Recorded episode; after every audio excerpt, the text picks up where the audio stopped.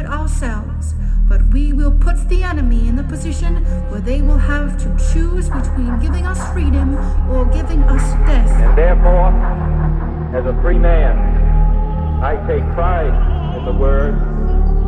My lord, I am myself accused. I hold the Live out the true meaning of its creed. The gap between the richest 10% and the poorest 10% of this country has widened.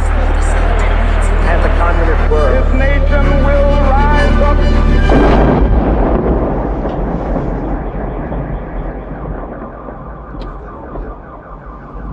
Hezký den, vítáme vás u dalšího pokračování podcastu Kolaps, který pro internetový deník Alarm.cz společně připravují Jan Bělíček a Pavel Šplíchal. Dnes se podíváme na jednu novou historickou publikaci, která se věnuje tématu, které bude v Česku aktuální bohužel asi po další desítky let. O kontinuitách, odlišnostech a odkazu prvorepublikové společnosti si dnes budeme povídat s jedním z našich hostů. Pokud patříte mezi pravidelné posluchače a posluchačky tohoto podcastu, tak už nejspíš tušíte, co vás právě teď čeká. Ano. Je to připomínka toho, že Alarm a také naše podcasty jsou z více než 70% financované čtenáři, čtenářkami, posluchači a posluchačkami a pokud mezi tyto lidi patříte a z nějakého důvodu na nás cho- chod ještě nepřispíváte, tak to určitě zvažte. Veškeré informace najdete na stránkách Alarmu, kde by měl vyset i odkaz na portál Darujme.cz. Každá podpora nám pomůže posunout kvalitu našeho obsahu zase o kousíček výš. Děkujeme všem, kteří nám v tom pomáhají už dnes. Díky moc. Uh, už na konci minulého roku vyšla v nakladatelství Scriptorium kniha Metla našeho venkova, kriminalizace Romů od první republiky až po prvotní fázi protektorátu 1918 až 1941. Eh, Myslím, že ten titul samotný dost jasně definuje, čemu se publikace věnuje. Budeme se dnes bavit o specifické a nelehké situaci romské populace v tehdejším Československu. Budeme se snažit dopátrat toho, proč tehdy ke kriminalizaci Romů docházelo, co to vůbec ta kriminalizace je a jak se tohle všechno propsalo do protektorátní či komunistické reality, ale také do naší současnosti. Do dnešního kolapsu za námi tohle všechno přišel probrat autor této knihy, historik Pavel Baloun z Fakulty humanitních studií Univerzity Karlovy Ahoj Pavle, vítej u nás v Kolapsu. Ahoj a díky moc za pozvání. Já budu mít zase takovou obligátní, uh, klasickou, Ale důležitou. ale důležitou uh, otázku a to, proč se mladý historik uh, rozhodne zkoumat uh, právě prvorepublikové četníky, disciplinaci a kriminalizaci českých a československých Romů. Uh, měl jsi v tom nějakou osobní motivaci? No, já jsem v době, eh, kdy teda eh, jsem dopisoval eh, diplomku, tak jsem procházel policejní časopisy prvorepublikový. A byla to doba rok 2013. Jenom tak prostě, bez randy. Já to, to taky dělám. No. Tak měl jsem, měl jsem nějaký jako výzkum a potřeboval jsem se podívat na ty časopisy. Nenašel jsem, jak už to u těchto výzkumů bývá, co, co jsem tam hledal. Mm-hmm. Ale našel jsem jako No počkej, desítky... a co jsi tam hledal? Jestli to není tajný, teda. Jako tajný to není, ale není to důležitý vlastně pro ten podcast. Ok, dobře. jo. Tak pro zajímavost. Ale jako nějaký články, které by se týkaly uh, takového pojmu, který se používal ve vztahu k uh, zákonu o obraně státu prvorepublikového, státně nespolehlivý. Jaká nějaká praxe, jak tenhle ten pojem jako používat, jo, jak ty policajti by s ním měli nakládat. Nic takového jsem tam nenašel. OK, ale, ale našel tam... Našel jsem tam desítky článků, který se týkaly nebo vztahovaly nebo informovali ty policajty o těch, kteří byli označováni jako cikáni. Mm. Jo, články, neustále se opakující název, Metla venková, uh, jo, jako vlastně obrovské množství textů, nesmírně mě to překvapilo a navíc v té době, uh, to rok 2013, uh, se v těch um, jako různých českých městech, místech, regionech odehrávaly protiromský pochody. Mm. Takže mm. mi to přišlo nějak jako symbolický v té Mhm. Ty tam dokonce píšeš, že v Českých Budějovicích zrovna, kde to nikdo nečekal, byl vlastně jeden velký pokus o pogrom, že? Ten, to je jedna z těch situací, kde jsem se přímo i jako vyskytnul uh, a bylo to pro mě jako silný zážitek, jo? takže nakonec jsem, i tohle mě určitě vedlo k tomu, že jsem si řekl, že pro nějaký ten doktorský projekt, když ho budu podávat, si vyberu tohle téma. Já jsem si teďka úplně vzpomněl na tu dobu, protože no, to my jsme byli třeba v Ostravě na tom obrovském pochodu uh, fakt jako nechutným a Pavel byl určitě zase na jiném místě, takže jsem... rok 2013 byl v tomhle to, to, to uh, vlastně dost nepříjemný, dost nepříjemný, no. Ale tak, začínal no. alarm. A začínal alarm v září. Bude to 10 let? Tak, ale ještě možná úplně, nebo skoro úplně na začátek. Počkej, teď mi tady došlo, že začal alarm a skončili proti romským. Mm, náhoda. Můžeme pokračovat.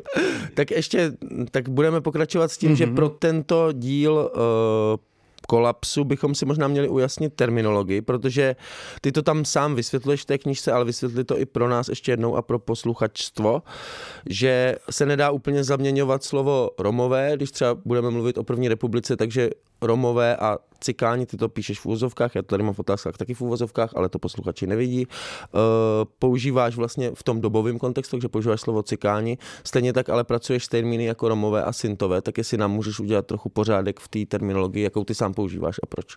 Jasně, přesně tak, já používám vlastně v té knížce ten jako dobový pojem a vždycky jako s tím malým C, ale v úvozovkách eh, cikáni, který podle mě, eh, nebo to z těch jako dokumentů vyplývá, označoval nejenom ty, které dneska chápeme jako Romy a Sinty, nějakou etnickou jako skupinu eh, nebo další jako skupiny, ale eh, celou řadu dalších lidí, jo? nějaké provozovatele kočovných živností, bez ohledu na jejich etnicitu, nebo na nějaké podobní obchodníky, jo? nebo ty, kteří byli dále třeba označováni jako tuláci. Ta, ta skupina byla poměrně jako různorodá a v různých situacích ten pojem sloužil k zahrnutí prostě fakt jako různých eh, skupin obyvatel nebo jednotlivců. Takže proto používám ten pojem a vedle toho teda eh, také ale ten, ten současný uh, termín romové, případně romové a syntové, protože uh, v řadě těch jako dokumentů i dobových je zřejmé, že ten termín romové byl používán těmi samotnými aktéry. Jo, ať už jako z nějakých dobových antropologických výzkumů, nebo i třeba z policejních příruček, třeba ze slovníčku cikánské hantýrky, která vyjde v první republice, je jasné, že ten termín Rom fungoval jo, v, té, v té skupině nějakým způsobem. Takže, Takže je potřeba ho používat tak vlastně... označoval ta skupina sama sebe. V některých jo. situacích a určitě jako jenom někteří, asi ne třeba jako všichni, jo, ale je potřeba s tím nějak pracovat. No a ten, eh, to označení syntové, to je něco, co se používá jako z toho německého kontextu, který funguje jako nějaký vzor v zásadě jako i pro psaní třeba těch historických prací, eh, kde teda syntové jsou ne pod skupinou Romů, ale vlastně nějakou jakoby další romskou skupinou, která se vymezuje specifickým jazykem, jo, nějakými kulturními jako znaky a tak dále. A je, ta skupina těch syntů je spjatá jako s německojazyčným prostředím. A tyhle ty obyvatele bychom našli i v tom meziválečném Československu. Jo, zase spíše v tom jakoby německojazyčném prostředí. Severní Čechy, eh, Slesko třeba, ale určitě i jako jižní západní Čechy. Uh-huh, uh-huh. Uh, já jsem se chtěl zeptat na ten název, jo, Metla venkova. Uh, proč je to tak důležitý nebo signifikantní jako termín nebo sousloví, nebo jak to označit? A jestli byl nějaký významný rozdíl mezi tím, jak byli Romové vnímáni právě na venkově a ve městech, v čem byl vlastně ten venkov specifický? Jo, já, já možná uh, jako bych se k tomu dostal, ale přijde mi, že nejdřív bych měl nějak říct ten svůj jako výzkumný záměr. Jo? Jak jsem si trošku jako nadizajnoval ten svůj výzkum, protože uh, určitě by se na, dal napsat jako minimálně stejně obsáhlá knížka o tom samém tématu jako z nějaký jiný perspektivy. Uh, já jsem prostě věděl, že mě zajímá, uh, že si chci to téma Eh, definovat jako tu kriminalizaci, což už jako něco říká. Vyhýbám se třeba termínu anticikanismus, jo, který samozřejmě dal by se nějak použít, já ho nepoužívám, nebo říkám, že jako nepíšu nějaké romské dějiny, ať už jako v tom jednotném čísle nebo v nějakém množném, jo, což třeba reprezentuje eh, to Pražské forum pro romské dějiny na Ústavu při soudové dějiny. A, eh, a takže se zabývám jako takhle si vymezuju to téma a zároveň jsem věděl, že mě zajímá nějaká kontinuita, diskontinuita té toho procesu té kriminalizace. Eh, to je jakoby jedna věc, která mě hodně zajímala. Pak eh, jsem věděl, že chci pracovat nebo se chci ptát na to, jak se vlastně v tom dobovém kontextu při používání té nálepky jako cikáni pracovalo nebo nepracovalo s termínem rasa nebo s nějakými jako odvozeninami tohohle pojmu. No a za třetí, to asi úplně nejdůležitější taky je, že eh, byť jako jsem se zajímal primárně o tu kriminalizaci, tak jsem věděl, že eh, jako je potřeba to nějak doplnit a podívat se taky na nějaké formy jako zahrnutí, začlenění. Jo, dneska bychom řekli asi integrace, ale v tom dobovém kontextu se používal spíš pojem jako asimilace, což už nějak hmm. jako eh, vymezuje to, jak, jaká podoba vlastně toho začlenění měla, měla být. A ten a ta jako metla venkova vlastně... Mm, vlastně eh, to je nějaký termín, který se používal jako nejčastěji. Není to jenom něco, co je spojeno s těmi policejními časopisy, s nějakým jako policejním jazykem, úředním, ale kdybychom se podívali třeba na knihu eh, historika Daniela Soukupa, Cikání a Česká vesnice, tak to spojení vlastně téhle skupiny obyvatel s tou českou vesnicí je starší prostě od nějaké, řekněme, poloviny nebo druhé poloviny 19. století, asi nejpozději i třeba pro tu českou jako literaturu, jo, ať už vysokou nebo nějakou populární. A ono to jako, možná asi ten nej, nejdůležitější motiv, jako kdyby je nějaký nacionalistický. Jo. Ta, čes, ta česká vesnice nebo ten český venkov reprezentuje v nějaké zástupné zkratce celý ten český národ, který vlastně to národní hnutí, které vzniká z pravidlu ve městech, má bránit jo, před tou jako germanizací nebo nějakými jinými tlaky. A samozřejmě i ten český venkov je předmětem nějak nějakých na jednu stranu jakoby negativních projekcí a ne, na nějakých jako pozitivních. Je to ten venkov, který je vlastně zaostalý, je potřeba ho trošku jako vzdělávat, ale zároveň to je, ten venkov je to místo, kde ten skutečný pravý, nejčistší český národ, jo, jakoby vlastně přežívá. Takže nějaká i ambivalence tohodle se určitě projevuje v tom, že to spojení jo, těch, těch cikánů, kteří jsou bráni jako ta nejvíce cizí, jiná, odlišná skupina eh, toho, té střední Evropy nebo Evropy eh, se, se jako spojuje s tím, jako ti vetřelci, kteří tam vlastně, ti vnitřní mm-hmm. cizinci, kteří tam nějak jako se pohybují. Který kazí jako ten čistý obraz ty jako český vesnice. I svojí, tak. Svou, samotnou, svou samotnou přítomností tam. No, nebo nějak narušují ten jako standardní chod vlastně, rytmus toho jakoby života. Mm-hmm. A takže to městské prostředí, to jakoby vlastně, tam, tam se ten, ta figura těch jako cikánů nevyskytuje. To, to, to je v souvislosti s tím venkovem. No, vlastně nevyskytuje uh, jako v takhle specificky. Jo? Vždycky třeba bychom, určitě bychom, eh, jednak není pravda, že by eh, nežili žádní Romové a třeba Sintové jako v, v českých nebo československých městech, v žádném případě, ale jako v nějaké té rovině představ, eh, prostě to město má specifickou sadu jako nějakých obrazů těch cizinců, nepřátel, jo, nějací jako žebráci, eh, zločinci, jo, eh, ale a pod to lze podsouvat vždycky jakoby ještě nějaké ty další prvky té jako odlišnosti, právě třeba ty cikány, ale že by to byla nějaká specifická figura, která se spojuje s tím městským prostředím, to jako v zásadě ne, jo, možná někde eh, jako tradičně třeba na Slovensku, jo, eh, s nějakým jako hudebnictvím, jo, a tak, ale, ale třeba v tom, eh, v těch českých zemích si myslím, že ne.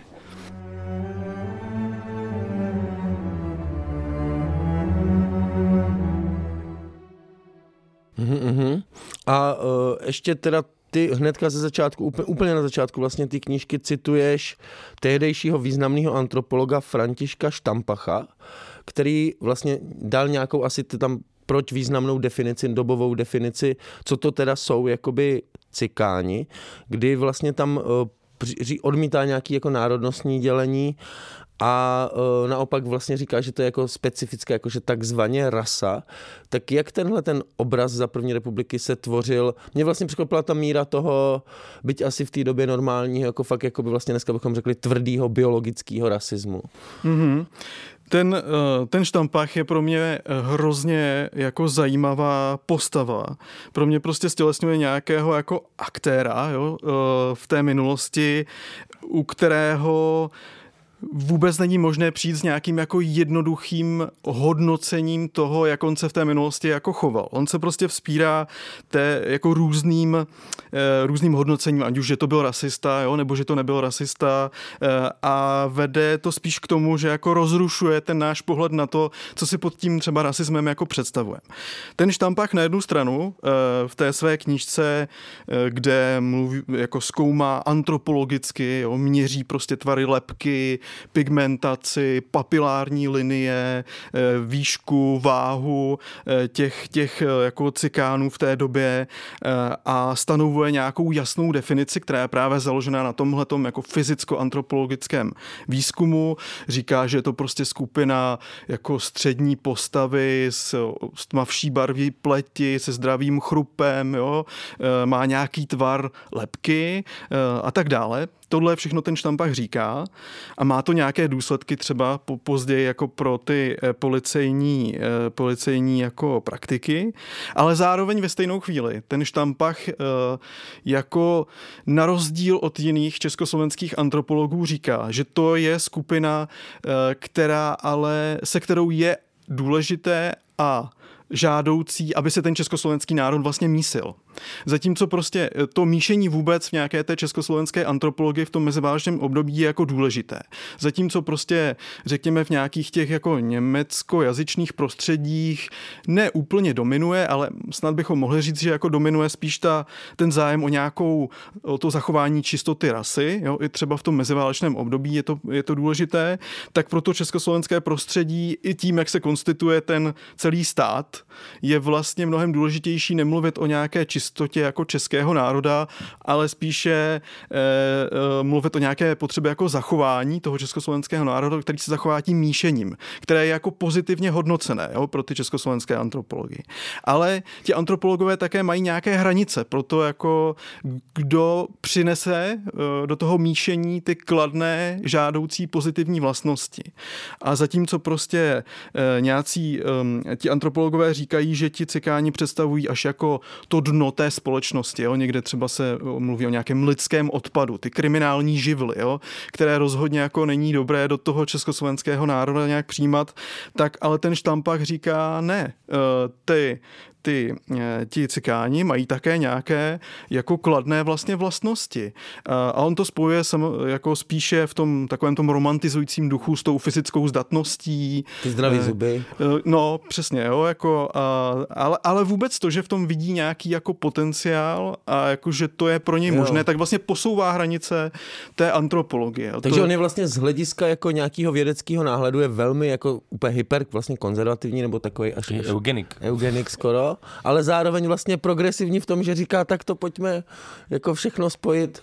No určitě bych neřekl, že je jako eugenik, jo, právě, že ten štampach, on i tím, t, jak potom, um, jako jaké má třeba politické názory. On třeba kritizuje hmm. to, co se děje v první republice, jo, zákon o potulných cichánech z první republiky z roku 1927, největší kritik je František Štampach. Aha. Jo, stejně tak on je největší kritik třeba nějakých uh, tvrdších opatření v době protektorátu. Ještě v roce 40 uh, nebo na začátku prostě těch 40. let píše text do policejního časopisu, kdy říká sterilizace, kastrace, jo, to je něco, co se objevuje nejenom jako v tom nacistickém kontextu, ale vlastně i na úrovni těch jako českých protektorátních úředníků, policistů, debatuje se o tom a jako je představa, že by se to mělo udělat, tak ten štampář říká ne, tohle prostě, tohle ne, tohle není ta cesta, jo, a vlastně tomu jako otevřeně oponuje. Takže mluvit o Štampachově jako o Eugenikovi také vlastně jako by nejde. Jo? Proto mm-hmm. říkám, že on se fakt hodně vzpírá eh, tímhle těm jako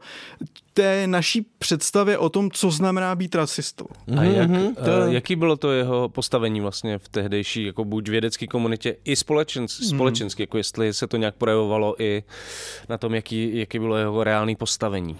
Jako, no, ten Štampach v té první republice je někdo, kdo teda v půlce těch 20. let napíše dizertaci a pak se vydává spíš ne tou vědeckou dráhou, ale stane se z ní školní inspektor. Jo? A tam jakoby postupuje do vyšších eh, příček a teprve po druhé světové válce. Jo? To asi není úplně náhodou. Eh, on se vrátí jako na univerzitu a stane se z něj vlastně univerzitní jako profesor a ta kariéra asi v 50. letech samozřejmě jako končí, jo? Ale, ale je to v něčem jako právě symbolické. Jo? A proč, proč, proč myslíš, že to je, není náhoda?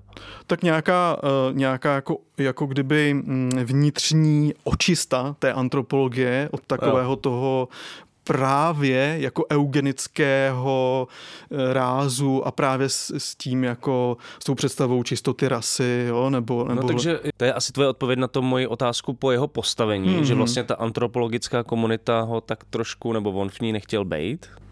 No ne. to taky vlastně, jo, jako by taky asi není úplně pravda. Já jako tolik, uh, tolik uh, to jako neznám. On, ten František Štampach po sobě nezanechal žádný jako osobní fond, do kterého bychom se mohli podívat. Ale jako něco nám to říká o tom, jak vypadalo asi ta mainstreamová mm, věda antropologická v té době, v této oblasti. Jo, to, a to asi jo, ale zároveň on jako měl tam dobré kontakty. Jo? Je to on třeba, kdo píše do velké, eh, do velké takové jako syntézy jako antropologické eh, československé vlastivědy, eh, pasáž o cikánech. Jakou roli v tom, v tom jakoby antropologickém náhledu na Romy hrála ta v té, v té mainstreamové vědě, hrálo jako slovanství, nebo prostě, ty už mluvil eh, na začátku o té jako české vesnici, o tom jako, o té obnově toho českého národa, tak mě zajímalo, jestli tohle tam hrálo nějakou roli.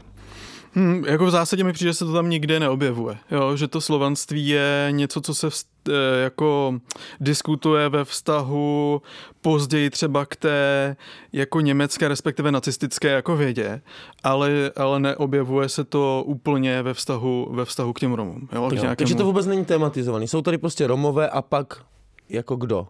Kdo je ta vlastně skupina tak máš tady asi, no, no Němce, že?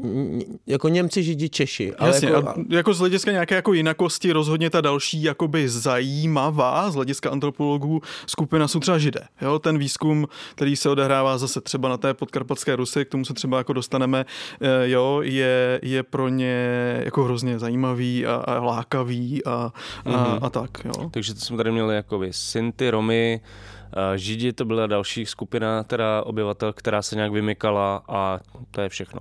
Ale, ale jako, jo, jako by v nějaké etnologii a antropologii také hrálo roli jako by to slovanství, ale jako neprojevuje se to e, nebo neovlivňuje to nějakou um, argumentaci ve vztahu prostě k těm Romům. Jo, mm. tam, mhm. tam to prostě přítomné není. Jo. Jasně. No, mně přišlo zajímavé, že ty vlastně nezačínáš tou první republikou, nebo rokem 1918, ale začínáš už eh, v Habsburské monarchii. Proč vlastně se tomu postavení Romů v Habsburské monarchii věnuješ? V čem je to, eh, je to v něčem specifické, nebo, je to, nebo jde spíš o kontinuitu jako Habsburské monarchie a prvorepublikového zřízení? No, mně právě přijde, že, že jako jednak je to specifické ve vztahu k tomu mému tématu, ale zároveň jako kdyby každá dobrá historická práce, která se týká první republiky, nějakým způsobem podle mě musí začínat tou monarchií. Protože ta míra přejímání institucí, jo, té legislativy eh, a všech jako dalších věcí z té monarchie je prostě obrovská. Přestože eh, pro nás eh, asi jako v takovém tom populárním obrazu těho žalářů národů, jo, k té monarchii, tam vidíme hlavně ten zlom, tak ale mm, ta realita prostě je mnohem víc té kontinuity, jo, a spíše Jistě, jako nepochybně řada těch institucí zdůrazňovala rozdíl. Třeba ty policejní sbory se strašně snažily jako vymanit eh, z toho negativního eh, jako obrazu těch represivních složek té monarchie, právě toho žaláře národů. Jo? Ale stejně, ta kontinuita i v těch policejních složkách, zřejmě třeba v tom četnictvu, je vlastně jakoby obrovská. Možná mohli vrátit k Pavlově původní otázce. No, jak se, teda, jak se, eh, jak se teda v tom, ten, myslím, že ten přechod z té monarchie na tu republiku je dobrý, jak se vlastně teda konstituoval postoj těch institucí a zejména teda asi policie a četnictva k těm takzvaným cikánům. Mm-hmm.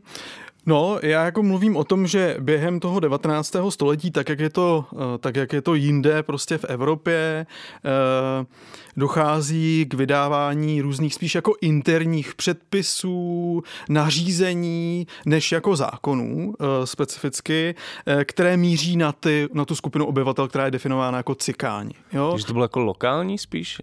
Jakože vlastně různý nějaký úřady si prostě měl nějaký interní nařízení, nebo to šlo z hora? Asi by se dalo říct, ale to to souvisí i s tím, jak se, eh, jak se teprve jako vyvíjí nějaká státní administrativa během toho 19. století, jo? že se jako z nějakých lokálních předpisů ještě z té první poloviny asi 19. století postupně stává nějaká více sjednocená eh, a, rá, a spíš jako rádoby v téhle době ještě centrální politika, která míří na tuhle skupinu jako obyvatel. Jo? A to se děje opravdu jako nejenom prostě v Habsburské monarchii, ale prostě v Německu, jo, nově jako vzniklém císařství nebo prostě v Itálii taky jo, a, a, a jinde, jinde, jinde v Evropě. Ale t- v té době, na té druhé půlce 19. století vzniká něco, čemu bych jako říkal proticikánská opatření. Nějaký jako komplex, soubor, souhrn různých jako interních nařízení, které vlastně nějak definují tu skupinu a říkají, uh, jakým způsobem s ní vlastně zacházet. Jo? Hodně se... A co jim vadilo? Jako? Nebo co byly ty jako hlavní důvody, proč k tomuhle docházelo. No.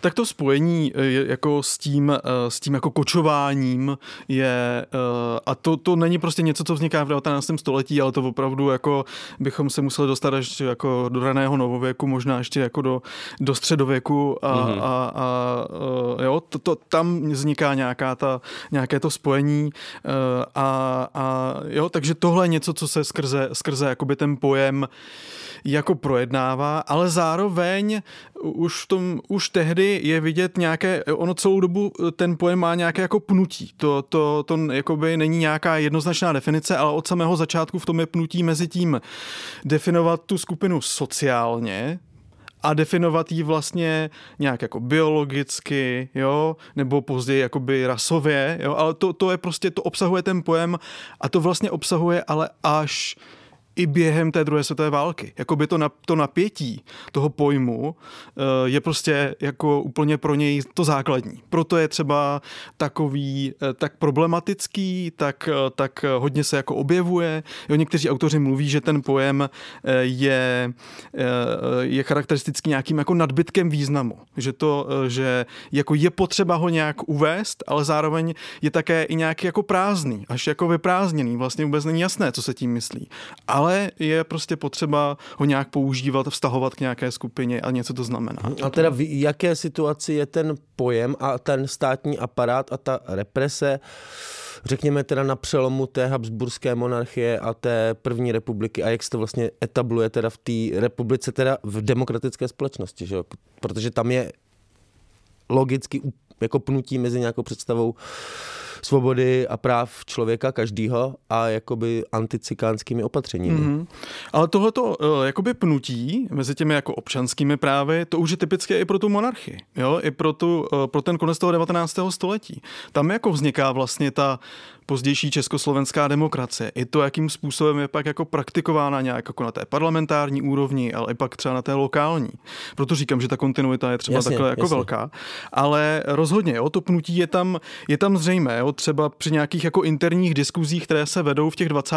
letech mezi úředníky, policisty, tak, eh, tak se operuje s tím pojmem a, a v zásadě jako bychom mohli mluvit o tom, že existuje nějaký konsenzus na, uh, mezi, těmi, mezi těmi úředníky co je potřeba na úrovni těch politik udělat, jo, jak jakoby vyřešit tu cikánskou otázku, jak se v dobovém slovníku prostě říkalo, ale že to nejžádoucější, jako nejlepší řešení uh, by vlastně bylo v nějakém jako rozporu, třeba i s tou ústavou, která v té první republice skrze nějaké jako mezinárodní dohody vznikající nebo pramenící z toho jako versalského systému uh, uh, by porušovaly nějaké jako základní dokumenty, třeba rovnost rovnost, uh, rovnost ras vlastně. No, jo? právě. Která, tak jak se s tím vypořádávali? No právě jako na začátku té první republiky se s tím vypořádají tak, že řeknou, že není potřeba vytvářet nějaký speciální zákon, který by hrozil tím, že vlastně budeme porušovat ty tu ústavu a nějaké základní normy a bude, bude nějaká možnost to jakoby napadnout jako mezinárodně. Vlastně ta obava z toho, že ten západ, tak dlouho jsme budovali tak jako skvělý pozitivní obraz toho Československa demokratického, které patří na západ, až si ho vlastně zničíme nějakým proticikánským jako zákonem, jo? kdybych to trošku, trošku jako pře, přehnal. To my, my, omlouvám se, pak to když tak vyškrtneme, my jsme teďka s Honzou psali uh, o Zemanovi, jak odcházel a já jsem našel, jak Zeman argumentoval proti zdi v problematiční a on vlastně neargumentoval tím, že to je problematický z hlediska ponižování člověka, ale že si uděláme blbý voko jako na tom západě, kam tenkrát 98 až 2000 ta vláda směřovala tu Českou já myslím, republiku. Já myslím, že bychom to neměli právě vymazávat tyhle pasáže, protože jako, jo, o ty kontinuity mě dost, nebo nám dneska taky dost půjde. No, Hmm. A tohle je dobrý příklad. No, No, to. No pardon, jasně přerušil. Dobrý, uh, no, takže vlastně ten, ten západ uh, tam hraje nějakou důležitou roli, takže v těch 20. nebo na počátku těch 20. let k přijetí nějakého speciálního zákona nedojde, jenom dochází k nějakým jako úpravám těch dílčích instrukcí, interních nařízení pro ty jako četníky, nějaké okresní úřady, jo, a tak dál. A, a, a, ale ta situace se mění v roce 27. Jo, to, je, to je doba, kdy jednak ten stát je nějak jako stabilizovaný, jo, můžeme mluvit o těch jako zlatých 20. letech v uvozovkách, eh, jo, ono to znamená jako různé věci, ale to nechme stranou. A, a... Takže už nepochybuju o ty existenci jako Československa. A vlastně že se i- jak jako etablovalo. Přesně tak, je ta obava nebo ten strach z toho západu jakoby trochu opadá, zároveň je to doba, kdy přece jenom Hospodářský růst, no. eh, no a zároveň i jako Krize. po- Teprve zaklepe na dveře. No, u toho zemědělství bychom mohli mluvit třeba i o tom, že ta krize už jako opravdu je jako za humny. No. Eh, ale, ale eh, je to prostě doba taky eh, jo, jako politické změny. Už to nejsou ty jako celo národní, široké, pravolevé koalice, ale už je to doba taky nějakého spíše Hmm. středopravého politického spektra, které se ocitne ve vládě. No, teďka vládla panská koalice, ne? Tady v tomhle. Přesně 27. tak, jo, takže, takže vlastně i v tomhle směru ta, ta, to je jakoby významné a zároveň ale dochází k nějakým velkým jako skandálům nebo kauzám, které se debatují jak v československém tisku, tak vlastně potom nějak i v tom mezinárodním prostředí. Jo, to je třeba kauza takzvaných jako kanibalů z Moldavy nad Bodvou, což je, mm-hmm. což je město, uh, uh, řekněme, nedaleko Košic, mm-hmm. kde teda v tom roce na začátku roku 1927 je zadržena a uvržena do vazby jako skupina Romů a je obviněna z páchání jako mm, jak drobné kriminality a dlouhodobé, tak vlastně nějakých jako závažných zločinů, včetně vražd, loupeží a tak dále. A včetně kanibalismu. No a dojde tam eh, v nějaké velice komplikované situaci a to ilustruje i jako, ilustruje to nějaké problémy té československé administrativy. Jo? Eh, Ta, eh, ta skupina těch Romů hovoří romsky a maďarsky a asi primárně maďarsky. A mezi nimi je několik, několik osob, které jsou jako nedoslýchavé. A ten československý aparát při nějakých výsleších si pozve eh, svého experta z místního ústavu pro, eh, pro teda, eh, tehdy se říkalo pro ty jako úchylné a a, nebo pro hluchoněmé, a, ale on umí znakovou řeč a mluví československy, neumí maďarsky. Ale ti nedoslýchaví se spíše dorozumívají problematicky, ale spíš nějak maďarsky. A neumí znakovou řeč. A v téhle nějaké situaci, jo, jakoby komplexní, eh, dojde k tomu, že údajně se mají přiznat k tomu, že jako ty oběti nejenom zavraždili, ale vlastně jako snědli. Jo, asi tam dojde k nějakému jako posunku, je nějaký interpretován prostě, jak už to u těch kaus toho kanibalismu tak jako bývá. Takový jako ztraceno v překladu v Košicích. No, ale není to úplně náhodné, protože to zase jakoby nějaký stereotyp, uh, stereotyp jako cikánů jako kanibalů tady existuje. Jo? Třeba Aha. velká kauza jako z 18. století z Uherska prostě. Jo? A byla tam i nějaká evidence v tomhle případě, nebo jako šlo vyloženě jenom o ty posunky? Jako... No, jako tak, jak to pak bylo v zápise, tak, eh, tak bylo, uh, tak se tam vyloženě uvedlo, že prostě jako ty oběti jako snědly, jo, a to vyvolalo nějakou jako velkou senzaci eh, a zam, samozřejmě ze strany třeba toho státu to vyvolalo i jako velkou nevoli a snahu opravdu jako dokázat, že to je nesmysl. Jo, takže ti místní lékaři, kteří působí v Košicích, eh, dva da- dodají jako expertní posudky, jednak eh, tím, že ty kosti, které se tam ještě někde jako najdou, eh, eh, nejsou lidské, ale jsou prostě zvířecí. A, a zároveň i to, že, to, že dojde k nějakým jako posudkům, eh, eh, že prostě eh, to, mm, to je nějaká jako pověra, jo, podobně jako prostě židovská rituální vražda. Takže takový jako Masarykovský Hitlerovský odkaz trochu, jako Hilsneriády. Jako Jakože ten snažíme, stát je ten osvícený. No. Snažíme se prostě ukázat, že tohle jsou pověry, které nemají prostě v naší demokracii nic, žádné místo. Přesně tak. A je to ta věda, která tohle to jakoby vyvrací. Jako... A ty jsi říkal, že jich bylo víc těch kaus, takže tohle To byla je jedna, jedna. jedna kauza v těch Košicích a pak vlastně uh, v jižních Čechách se mluvilo o nějakém jako řádění cikánů. Uh, už jako na začátku 20. let tam měla působit nějaká banda eh, spojená právě teda uh, s, s cikány. Uh, docházelo k nějakým loupežím uh, i ně, několika asi vraždám, jo, nějakým jako závažným trestným činům. A ty stížnosti ze strany nějakých jako jeho českých uh, obcí, uh, lokálních jako reprezentantů uh, politiky se množily. Jo? Takže tyhle dvě věci se spojily a umožnilo to, i protože se, na tom, že se o tom mluvilo jako mezinárodně. Třeba v americkém tisku vyjde článek o tom, jestli vůbec to Československo jako um, je schopno teda spravovat to Slovensko a tu podkarpatskou Rus, když po tak dlouhou dobu, od těch 20. let, tam kontinuálně nějaká skupina vlastně páchá takovou závažnou jako trestnou činnost. Mm-hmm. Takže to nějak jako i delegitimizovalo celý ten stát. A ten mm-hmm. stát na to reaguje i tím, že teda teď je ta správná doba na to, abychom teda připravili ten speciální zákon. Uh, jo, takže... Čím se dostáváme k tomu zákonu? A teda ten zákon byl důležitý, proč a co v něm bylo? Eh, Ten, ten zákon eh, byl důležitý v tom, že... Ale muž, možná pro posluchače, eh, o jaký zákon Jasně. šlo? No, jo, no jasně, jak se jmenoval. Jo. Vlastně nikdo asi, nebo málo lidí asi četlo ještě tvoji knihu. Jo, to je ten automatismus toho, kdo jako Ne, tak- se v tom pohybuje. Ne. E, jasně, je to zákon z roku 1927, který měl číslo 117 a jmenoval se o potulných e, cikánech.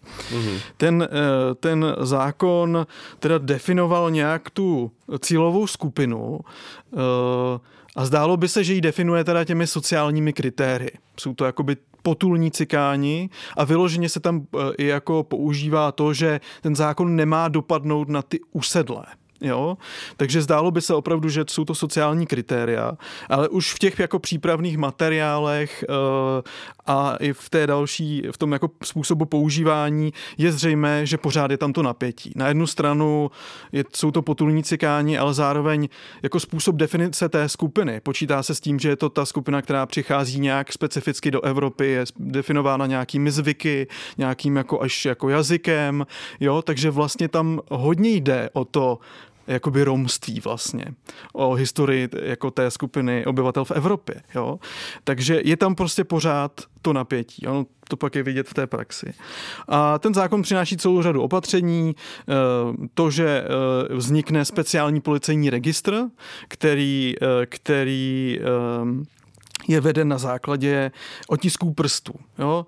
E, To, že těm obyvatelům teda jsou sňaty jako otisky prstů, e, je pro ně vytvořena pro jednotlivce i rodiny jako nějaká karta, kam se zanáší e, nejenom nějaké jako tělesné znaky, ale třeba i informace z nějakých trestních spisů, jo, celá řada vlastně jako informací, rekonstruují se i jako nějaké genealogické linie, jo, jak ty rodiny jsou jako propojené, e, součástí toho je nějaká jako matrika e, a to má jako konkrétní důsledky v tom, že ti obyvatele, kteří jsou takhle nebo budou takhle označeni na základě toho zákona, tak budou mít u sebe, musí mít u sebe speciální dokument, cikánskou legitimaci, jo, pokud jsou starší 14 let a v té legitimaci bychom nenašli třeba fotografie, ale právě ty otisky prstů, jo, která má e, jako vést e, k t- mm, být tím znakem jakoby té osobní identity nebo A totožnosti. jak se ten archiv tvořil? Jakoby kdo, jak se tam člověk dostal? Jako jak do, do té evidence? Jako, že ho někdo odchytl na ulici, nebo prostě No, e, v se těm, musel přihlásit sám jako úřadu? v těch, e, po tom roce 27, někdy v létě, pro, proběhl nejprve nějaký jako pokusný soupis, policejní soupis, což znamenalo, že prostě ono to postupovalo po různých regionech, vždycky se vyhlásil nějaký region, kde ty policejní úřady měly na starost prostě prohlídnout celý ten region a najít teda ty obyvatele, kteří kteří by pasovali do té definice a sepsat je, jo, udělat s nimi, sejmout ty otisky prstů a tak. To byl nějaký pokus v tom létě 27 zjistit, kolik by jich vlastně bylo. V tom zákoně se počítalo s nějakými 15, jako zhruba tisíci maximálně obyvateli. A v celém Československu. V celém Československu. Jo, ale...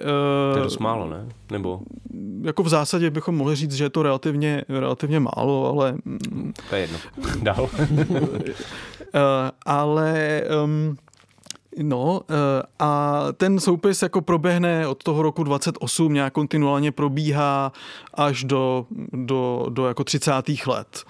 A um, nakonec se v něm ocitne v roce 37 až jako 35 tisíc lidí. Jo? Hmm. Takže ta, ta představa toho nízkého počtu přece jenom jako je nějak spochybněna.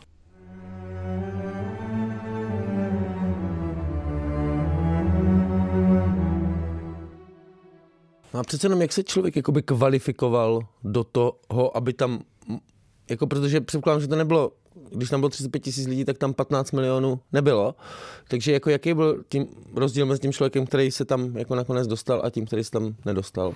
Jasně, jako vycházelo to z nějakých dlouhodobých tradic, protože ten pojem přece jenom cikáni měl nějakou policejní minulost té Habsburské monarchie, uh, používal se i v různých jako úředních dokumentech, uh, jo, takže měl nějakou jako tradici, to znamená v té lokalitě byla nějaká představa o tom, kdo to je, kdo to jakoby je a pak se jako vyjednávalo spíš to, jestli, a to se týkalo hlavně třeba Moravy a Slovenska, jestli, nebo podkarpatské Rusy, jestli ti lidé jsou teda spíš spadají do té kategorie těch potulných nebo těch usedlých. Hmm. Jo, a to třeba, tam jsou jako obrovské regionální rozdíly. Někde se prostě četníci uh, sice říkají, my tady, jo, když hlásí prostě počty cikánů v tom, v tom obvodě, tak mluví třeba o počtu 100 osob.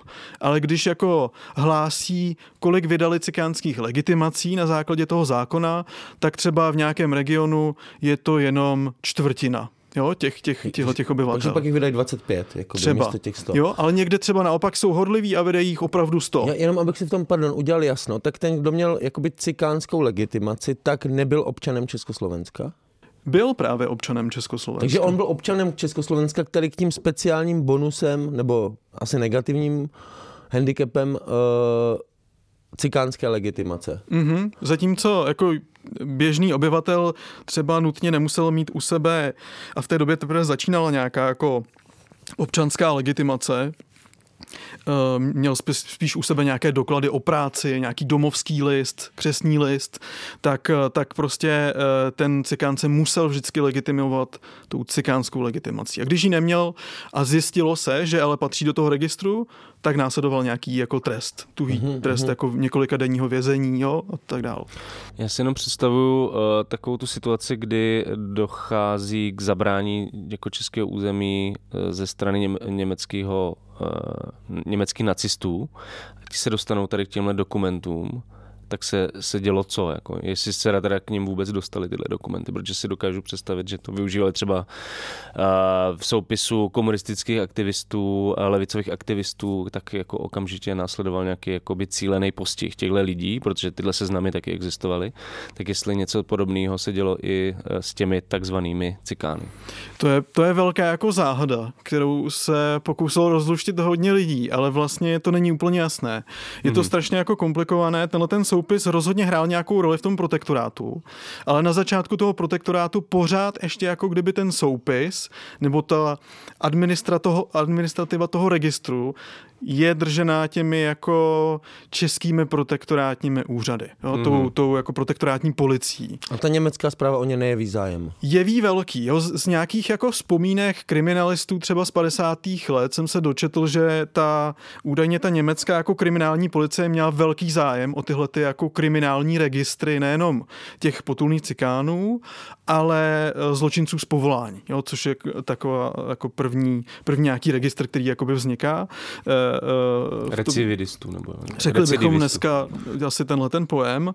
A, ale ta údajně ta, čes, čes, jakoby ta česká nebo protektorátní uh, policie se spírala tomu, aby předala ty dokumenty a údajně měli do té uh, registratury vložit tak velké množství jako vyfabulovaných uh, údajů, aby se nevyplatilo těm nacistickým okupačním úřadům tu registraturu jakoby převzít a přetvořit do, té, do toho svého systému, protože každý stát měl trošku hmm. odlišný systém toho, jak jako evidoval vlastně ty, ta obrovská data. Jo? Takže eh, jak, jako určitě nějakou důležitou roli hrál, protože to byla nějaká jako tradice toho označování jo, těch lidí a tak dál, ale jako přímá vazba. Nedošlo tady k tomu převzetí jako přímo. To je zajímavý. Tou knihou se vlastně mm, vyne nějaká představa Romů jako asociálních nomádů, kteří se vlastně nepodřizují společenským normám, společenskému řádu. A mě by zajímalo, když mluvíme jako specificky o Romech, ne o v úvozovkách cikánech, jestli to odpovídalo realitě, jaká byla vlastně ta socioekonomická jak bylo to socioekonomické rozdvrstvení té romské populace v tehdejším Československu? Uh, jo, uh jako rozhodně je důležité říct, že existovaly obrovský rozdíly. Jo? E, obrovský rozdíly jak jazykový, tak, e, tak e, jako národnostní nějaká identifikace, tak, tak vlastně nějaké jako sociální a ekonomické. Um, Taky je strašně důležité jako vždycky vlastně říct, o jakém tom geografickém kontextu třeba i regionu se jako bavíme. Jo? Jako opravdu eh, Romové prostě mluvili někde maďarsky, někde třeba více romsky, někde, eh, někde prostě německy. Jo? Ta, ta, ta různorodost byla prostě stejná jako vlastně jako kdyby toho československého obyvatelstva. Jo? Eh, co se týče toho, mm, toho sociálního chápání nebo toho tvrdit, že jako spojovat tu skupinu jenom s provozováním třeba nějakých živností, také je to prostě zjednodušující. Jo? I, I jako v tomhle ohledu eh, to bylo prostě nesmírně jako různorodé, byť můžeme jako identifikovat nějaké typičtější, charakterističtější eh, jako živnosti, třeba pro to Slovensko, ehm, jo, i z důvodu nějakých jako pozitivních stereotypů, které existovaly, kováři, hudebníci, eh, jo, takže, takže i jako takhle asi to jde, ale mm, přesto bych jako, i když třeba můžeme trošku mluvit o tom, že to nebylo jenom uh, jako uh, nějaká zcela jako vyloučená skupina obyvatel, tak ale podle mě je důležité říct, že opravdu se bavíme o obyvatelstvu, na které jako dopadají nějaké, nějaké jako strukturální vyloučení. A i když ne, i když jako nevždy je ve všech situacích, tak nějakým způsobem se s tím ale musí potýkat a volí vůči tomu třeba různé strategie, ať už jako ve smyslu eh, zneviditelňování jo, toho svého, té své jinakosti, odlišnosti, jo, tak, eh, tak, eh, tak jo, prostě to má jakoby limity, ta představa toho, toho i nějaké jako, so, jako sociální střední vrstvy jako uvnitř mm. Takže jo, tak. nemluvíme už tady o kriminalizaci, ale o nějakých jako formách vylučování, které měly různý, různý projevy. A já nevím, jestli bys chtěl nám třeba při, přiblížit, jaký ty projevy byly, protože mě to vlastně zajímá, jako co v tehdejší společnosti znamenalo být Romem, jakoby tím, eh, jak, se to, jak, jak, jak bylo to slovo, usazeným nebo... Usazený cikán, ne? Usedlým. Usedlým. Usedlým. Jo, jako v té teda legislativní, co to znamenalo, jako vlastně? legislativní definici. Um, No, eh, v zásadě eh, jako tenhle ten pojem se třeba hodně spojoval eh, s územím Slovenska, podkarpatské Rusy, částečně Moravy, kde jako od toho, řekněme, 18. století dochází k nějakému, eh, k nějakému usazení prostě větších rodin eh, v, v obcích a do nějakého jako integrace i do těch jako socioekonomických sítí, které existují na té jako lokální úrovni. Um, ta situace je třeba jiná trochu jako v Čechách, jo, kde, kde, kde spíše jako ta tradice je uh, tvrdé vlastně vymáhání nějakých těch jako proticikánských opatření a proto vůbec nějaká jako integrace do těch, uh, do toho každodenního života, třeba toho venkova v těch Čechách je velmi omezená. Jo. Uh, jako konkrétní podoby toho vyloučení jako můžu uvést nějaké, nějaké příklady, jo, ale, ale prostě vždycky jako jsou regionálně prostě strašně různé a ono to má uh, hrozně moc podob. Já jako nabízím v různých regionech nějaké jako příklady, jo, že se to jako liší. E, třeba pro ty české země se snažím rekonstruovat příběh jedné rodiny, která je vlastně Eh, z Čech a která je eh, usazená nebo nuceně usazená na základě toho zákona o potulných cikánech eh, a nakonec žije poměrně dlouhou dobu v jedné obci v Jižních Čechách. A už jako je nějak integrovaná i v těch jako sociálních ekonomických vazbách. Má poměrně stabilní jako zaměstnání, eh, žijí tam, eh, z hlediska nějakých jako eh, policejních autorit jsou označovaní za jako spořádanou rodinu, jo, naopak od těch jako potulných, ale stejně po deseti letech, když žijí v nějaké té obci, což v té době znamenalo, že mají získat domovské právo v té dané obci, dochází k otevření jako sporu. Ta obec říká, tohle je problémová rodina, která se špatně chová, že je v blízkosti školy a tím kazí nějaký dobrý mrav, přestože tam ty romské děti chodí také do té samé školy, mají poměrně jako normální známky. Um, a ani se o nich nemluví, jako že by byly nějak špatně oblékané, jo, nebo, nebo nečisté.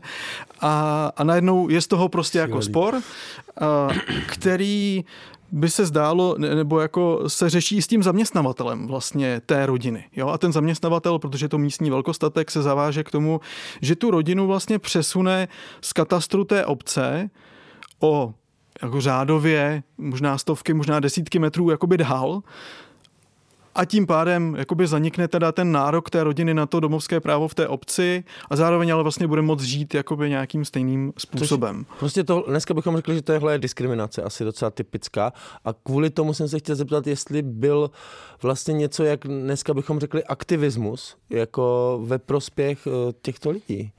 Ať už z jejich samotných řad, tak z řad třeba té majority. No, jako s ničím Co tak... Masaryk?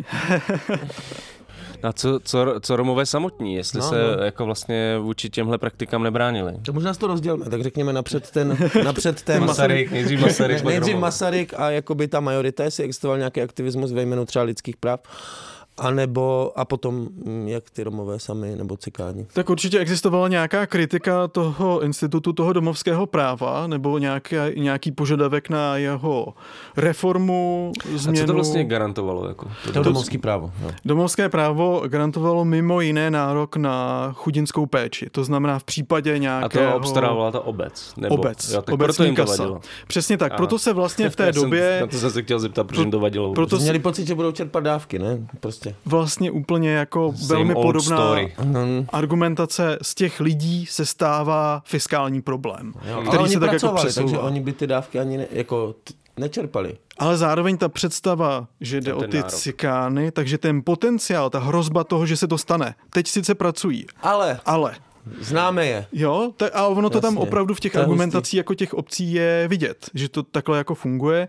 A zároveň jako v něčem, já bych jako nechtěl jenom demonizovat ty obce, protože když se podíváme na to, jak celý jako proces nějaké jako industrializace společnosti funguje, tak eh, jako nějaké finanční náklady toho kapitalismu industriálního nesou vlastně obce. Hmm. Protože zatímco ti lidé z těch nižších tříd, dělníci se zraní v továrnách v těch městech, ale oni mají stále domovské právo v těch obcích. A vrací se tam. A vrací se tam a tam jsou pak Musí jako kdyby platit. teda v fouzovkách na obtíž, jo? Takže hmm. vlastně nějak, um, jo, jako ne, nechtěl bych z toho dělat problém jenom té obecní jo, samozprávy. Jo, že to potom, když se dneska nasazuje uh, psí hlava těm třeba obcím v severních Čechách, které ale skutečně nesou náklady třeba tentokrát to post industrializace, tak uh, tehdy nesli tu industrializaci. Je to tak, kapitalismus se mění, ale jako... Uh, ale Obce zůstávají. To, tohle třeba jako zůstává. Tak jo. A ty jsi mluvil o tom, že byl nějaký, ne, nechci říct aktivismus, ale odpor vůči tomu domovskému právu nebo vůči tomu vyloučení z toho domovského práva nebo vůči tomu zákonu? Konceptu možná spíš, ne? No spíše se diskutovalo ten, ten právní institut, jakože třeba je problematický, byť asi v té době, já to tolik, jako tyhle debaty tolik neznám a nebylo to, nespojovalo se to vyloženě teda s těmi, kteří byli označováni jako cikáni. O tom hmm. se to tolik jako neobjevuje. Ale rozšiřme tu otázku na teda tu obhajobu těch, eh, tady těch jako diskriminačních, byť a historicky řečeno, jakoby případů, jestli se to objevovalo v tisku, jestli to někdo řešil. Jo, eh, objevovalo se to, eh, jo, bylo to chápáno jako vytváření teda nějakých lidí, kteří vlastně formálně mají tu státní příslušnost, patří do toho Československa, ale nejsou schopni jako dosáhnout na ta jako občanská práva, protože nemají tu domovskou příslušnost, která vlastně umožňuje ten vstup, jo? nebo no. nějaké, nějaké jako práva s, s tím spojená. A z, to, z tohohle důvodu mluvíš o občanství druhé kategorie, nebo? No. Přesně tak, jo, to je eh, vedle, vedle té policejní registrace, mm-hmm. která znamená nějaký ten jako cejch, jako tomu hovoří mm-hmm. i mhm. sami ti Romové, tak, eh, tak jako tohle je ten, ten, ta druhá věc. Ale to domovské právo zase jako eh, já um, uh, jako bych chtěl, uh, aby to nebylo úplně jednoduché. Jo? Ta, ta věc je prostě vždycky nějak složitější. Třeba kdybychom se podívali na Slovensko, zatímco v těch jako Čechách je hrozný problém pro, pro řadu Romů získat to domovské právo, tak třeba na Slovensku to domovské právo uh, nějak i z doby jako Uherska vlastně není tolik v rozporu, Oni ho tam jako mají, ale má to třeba nějaké důsledky, že ty obce mají představu právě proto, že teda mají na starosti prostě tuhle skupinu obyvatel, kterou vnímají jako problematickou, tak si trochu s ní můžou dělat, co chtějí. Jakože to domovské právo a ta vazba těch lidí na tu obec znamená, že eh, si je chtějí jako sami trestat, jo, třeba fyzicky. To je kontext... Eh, fyzicky? To je kontext třeba jedné západoslovenské obce Pobedim, kde pak dojde k tomu eh, jako nějak veřejně diskutovanému pogromu jo, v roce 1928. Tam padají i vlastně takovéhle věci, nebo ty obce se snaží tu skupinu jako vystěhovat ne ve smyslu toho katastru, protože ty Romové tam mají to domovské právo, ale vystěhovat z nějakých jako lukrativnějších lokalit ve středu obcí někam mimo, jo, kde třeba nejsou základní prostě hygienické podmínky pro žití, eh, jo, není tam žádná infrastruktura, eh, jo, takhle vznikají třeba nějaké zcela vyloučené prostě jako osady. Já, já už se teda budu opakovat zjevně, ale uh, přece mu, jenom jako z logiky věci museli být lidi, nevím, Karel Čapek, prostě kteří, když o tomhle slyšeli, tak se ozvali a protože to bylo i, i v té době to bylo prostě protiústavní. Přece ne, nemůžeš jako občana Pavle, jen tak mírný... Chci říct, že jsi zklamaný prvorepublikovou ne, demokracií? Ne, ne, ne, ne, ne, mě to zajímá, jako, tak tak jednak, jednak bych chtěl říct, že to asi není něco, co jsem jako primárně hledal, takže připouštím, že prostě se něco dá najít, ale když se člověk podívá jako do toho, co se zachovalo v archivu kanceláře prezidenta republiky, tak jsou to často jako nejrůznější žádosti o nějaké jako jednorázové sociální podpory různých jako lidí ze sociálně nižších vrstev, včetně třeba těch jako Romů, ať už ze Slovenska nebo odinut ale ta, ta, eh, ta, pak třeba ta kancelář zjišťuje od těch lokálních policejních úřadů, co to je vlastně zač ty lidi, jo? jestli se chovají spořádaně a opravdu si zaslouží nějakou jako jednorázovou dávku. Eh, a někdy ty, ty policisté jako řeknou, že ano, že, že jako je to nějaká rodina, která je v nějaké jako finanční nouzi jo? Eh, a tak dál a zaslouží si třeba tu jako jednorázovou dávku. Takže jako nějak to funguje, ale není to tak, že by o tom přímo sám rozhodoval ten Masaryk. Jako. Jo, takhle jsem to samozřejmě nemyslel, mě spíš o to, že to jako, že tam je zjevný pnutí jako úplně jako zbavování lidí jejich občanských práv, třeba což je stěhování někoho někam jako na základě nějaké vlastní úvahy. Byť samozřejmě děje se to i u nás, ne teď, tak v 90. letech určitě, tak, uh, tak jako je, jestli to prostě vyvolávalo nějakou debatu, nebo si to prostě bralo, že nad tím jako i třeba, já nevím, v rudém právu jako pokročili ramenama. Když bychom někde asi našli nějaký, uh, nějakou takovou formulaci, tak by to bylo rudé právo. Ale to zase jako uh, mělo také, uh, bylo schopné to o tom mluvit jenom v nějakém kontextu. Jo? Ne, nechtěl jako ne úplně jenom, jenom jak se jim to hodilo jakoby do krámu, ale, ale přece jenom to nějak muselo zapadat do té jejich celkové kritiky prostě té prvorepublikové demokracie. A spíš i, i to, i, i to jsou souvisí podle mě s tou politickou reprezentací, jo, která se jako v té době definuje pořád jako, eh, že jí vadí třeba nějaké politické pronásledování, se kterou mají zkušenost z té Habsburské monarchie, protože řada prostě příslušníků té bývalé sociální demokracie Habsburské měla velké zkušenosti s nějakými represemi jako ze strany těch policejních úřadů. A pořád vlastně i třeba, když se debatuje nad nějakou novelizací nebo zřízením jako nových institucí, které by sloužily k internaci a převýchově, nápravě prací různých jako osob, těch jako třeba i cikánů, jo, nebo těch jako zločinců z povolání, tak eh, oni se hrozně bojí toho, že to bude ale zneužito k persekuci té politické. Mm-hmm. A to jako motivuje řadu těch, řadu těch jejich jako diskuzí a to je něco, z čeho jako vycházejí. A to jsou schopni rozlišovat, kritizovat a mají s tím problém. Stejně tak se objevuje už dobově jako eh, ta třeba i jako parlamentní diskuze o tom zákonu z roku 27, to není prostě neproblematické. Jo? Řada těch významných jako politických představitelů říká, že ten zákon je při nejmenším na hraně jako ústavnosti. No, jo? no. Ale zároveň se u toho tolik jako Jo, nějaké projevy, zvlášť třeba jako jeden uh, komunistický poslanec v tomhle směru jako mluvil o tom, že to vytváří nějaký cech, občanství druhé kategorie, ale, ale je to výjimečné. Jo, většinou se spíš diskutuje nad tím právním principem, který je vlastně v ohrožení. Ta ústava je ohrožena, proto je potřeba jako probírat ten zákon, že by tam zatím byl zájem, jako existují nějaká univerzální lidská práva, která se mají vztahovat přece i jakoby na ty Romy, to není vždycky a spíše je to výjimečné. No a teď bychom se mohli dostat eh, od intelektuálů k těm Romům samotným, jak se vlastně vůči ty uh, krimin, uh, diskriminaci bránili oni samotní. Určitě tam se tomu jako v jedné kapitole věnuješ, mm-hmm. těm Mhm. strategiím jejich. Já se tam věnuju hodně strategiím právě vůči tomu zahrnutí do toho policejního registru. Jo? Hmm. A to mělo řadu vlastně podob. Eh, Jednak ti lidé, jako, protože z nějakých jako eh, vzpomínek, výpovědí víme, že opravdu to vnímali jako nějaký cejch jako nějakou, ten, ta, ta cikánská legitimace prostě byla pro ně nějaký problém, tak se je snažili jako zahazovat, ničit ty dokumenty, ale to byla nějaká strategie jako nejčastější, dá se to jako, vyplývá to i z nějakých těch četnických statistik, že oni si vedou statistiku, kolik třeba vydají duplikátů těch, těch, eh, těch legitimací a tak, tak to bylo jako nejběžnější. Ale byla to velmi krátkodobá strategie, která vedla k tomu, že nakonec ti lidé byli nějak třeba i potrestáni. Jo? Eh, Takže se vystavovali nějakému většímu postihu, případně většímu policejnímu dohledu jo? v důsledku toho.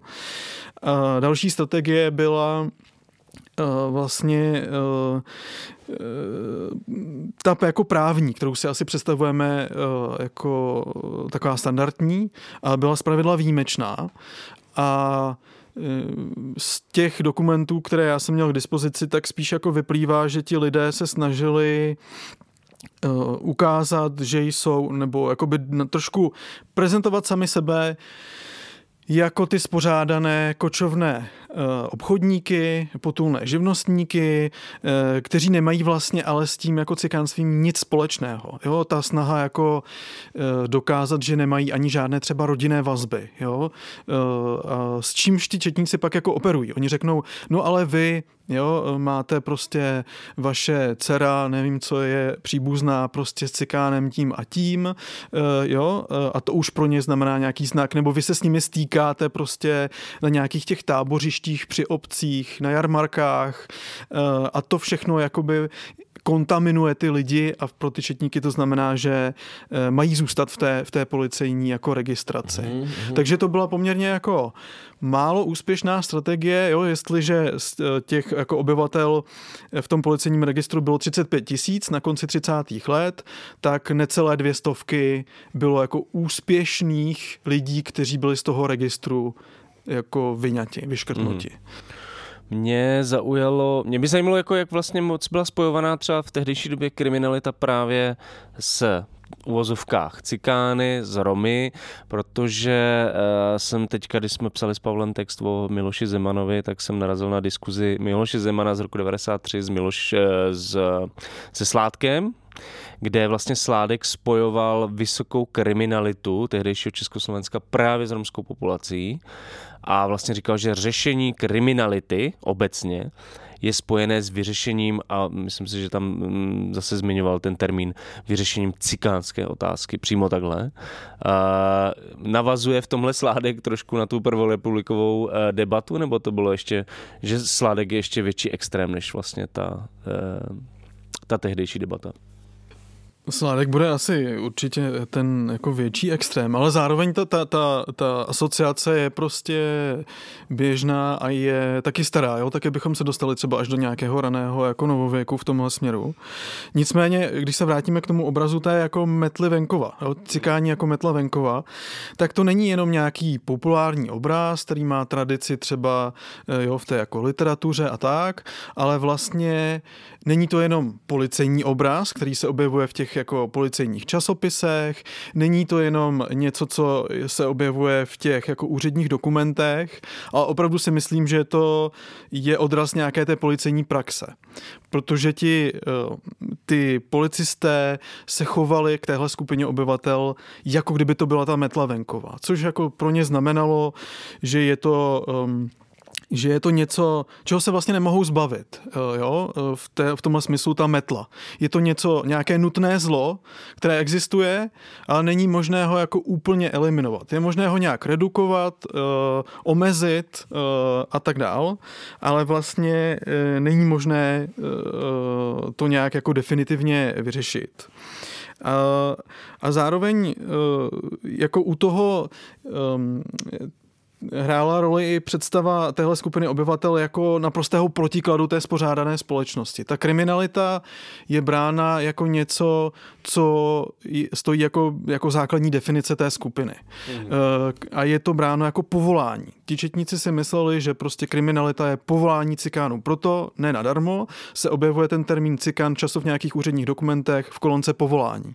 Jo, nikoli v národnosti, mhm. ale jako povolání. Je to prostě nějaká, uh, nějaká tradice zase z té Habsburské monarchie ještě. Mm-hmm. A to všechno další, uh, jakoby ty další uh, prvky toho jako života, toho údajného cikánského, kočovnost, jo, nějaká jako nehygieničnost, uh, všechno jakoby je nějaký protiklad těm dobovým normám té jako spořádané vlastně středostalovské jako společnosti. Jo? Taky ten obraz, uh, obraz to, to, třeba jako rodinného zázemí, kdo se stará prostě o, to, uh, o tu rodinu, kdo je ten živitel té rodiny, to všechno, to všechno v tomhle smyslu hraje nějakou roli.